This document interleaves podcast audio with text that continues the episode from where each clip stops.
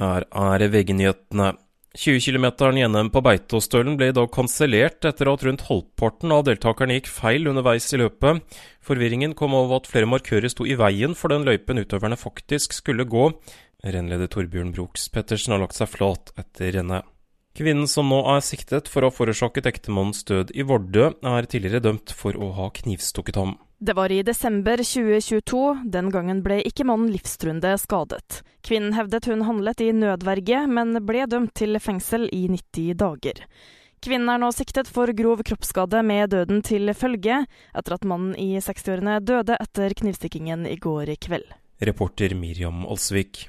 Ukrainas president Volodymyr Zelenskyj skriver på Telegram at de kommer til å vinne krigen. Meldingen kommer samme dag som flere land markerer solidaritet med Ukraina på toårsdagen til krigen. Over 10 000 mennesker ble i går evakuert etter funn av en udetonert tysk bombe fra andre verdenskrig i byen Plymouth i Storbritannia. Bomben som ble funnet i en hage, ble fraktet ut i sjøs, hvor den ble detonert. Det skriver NTB.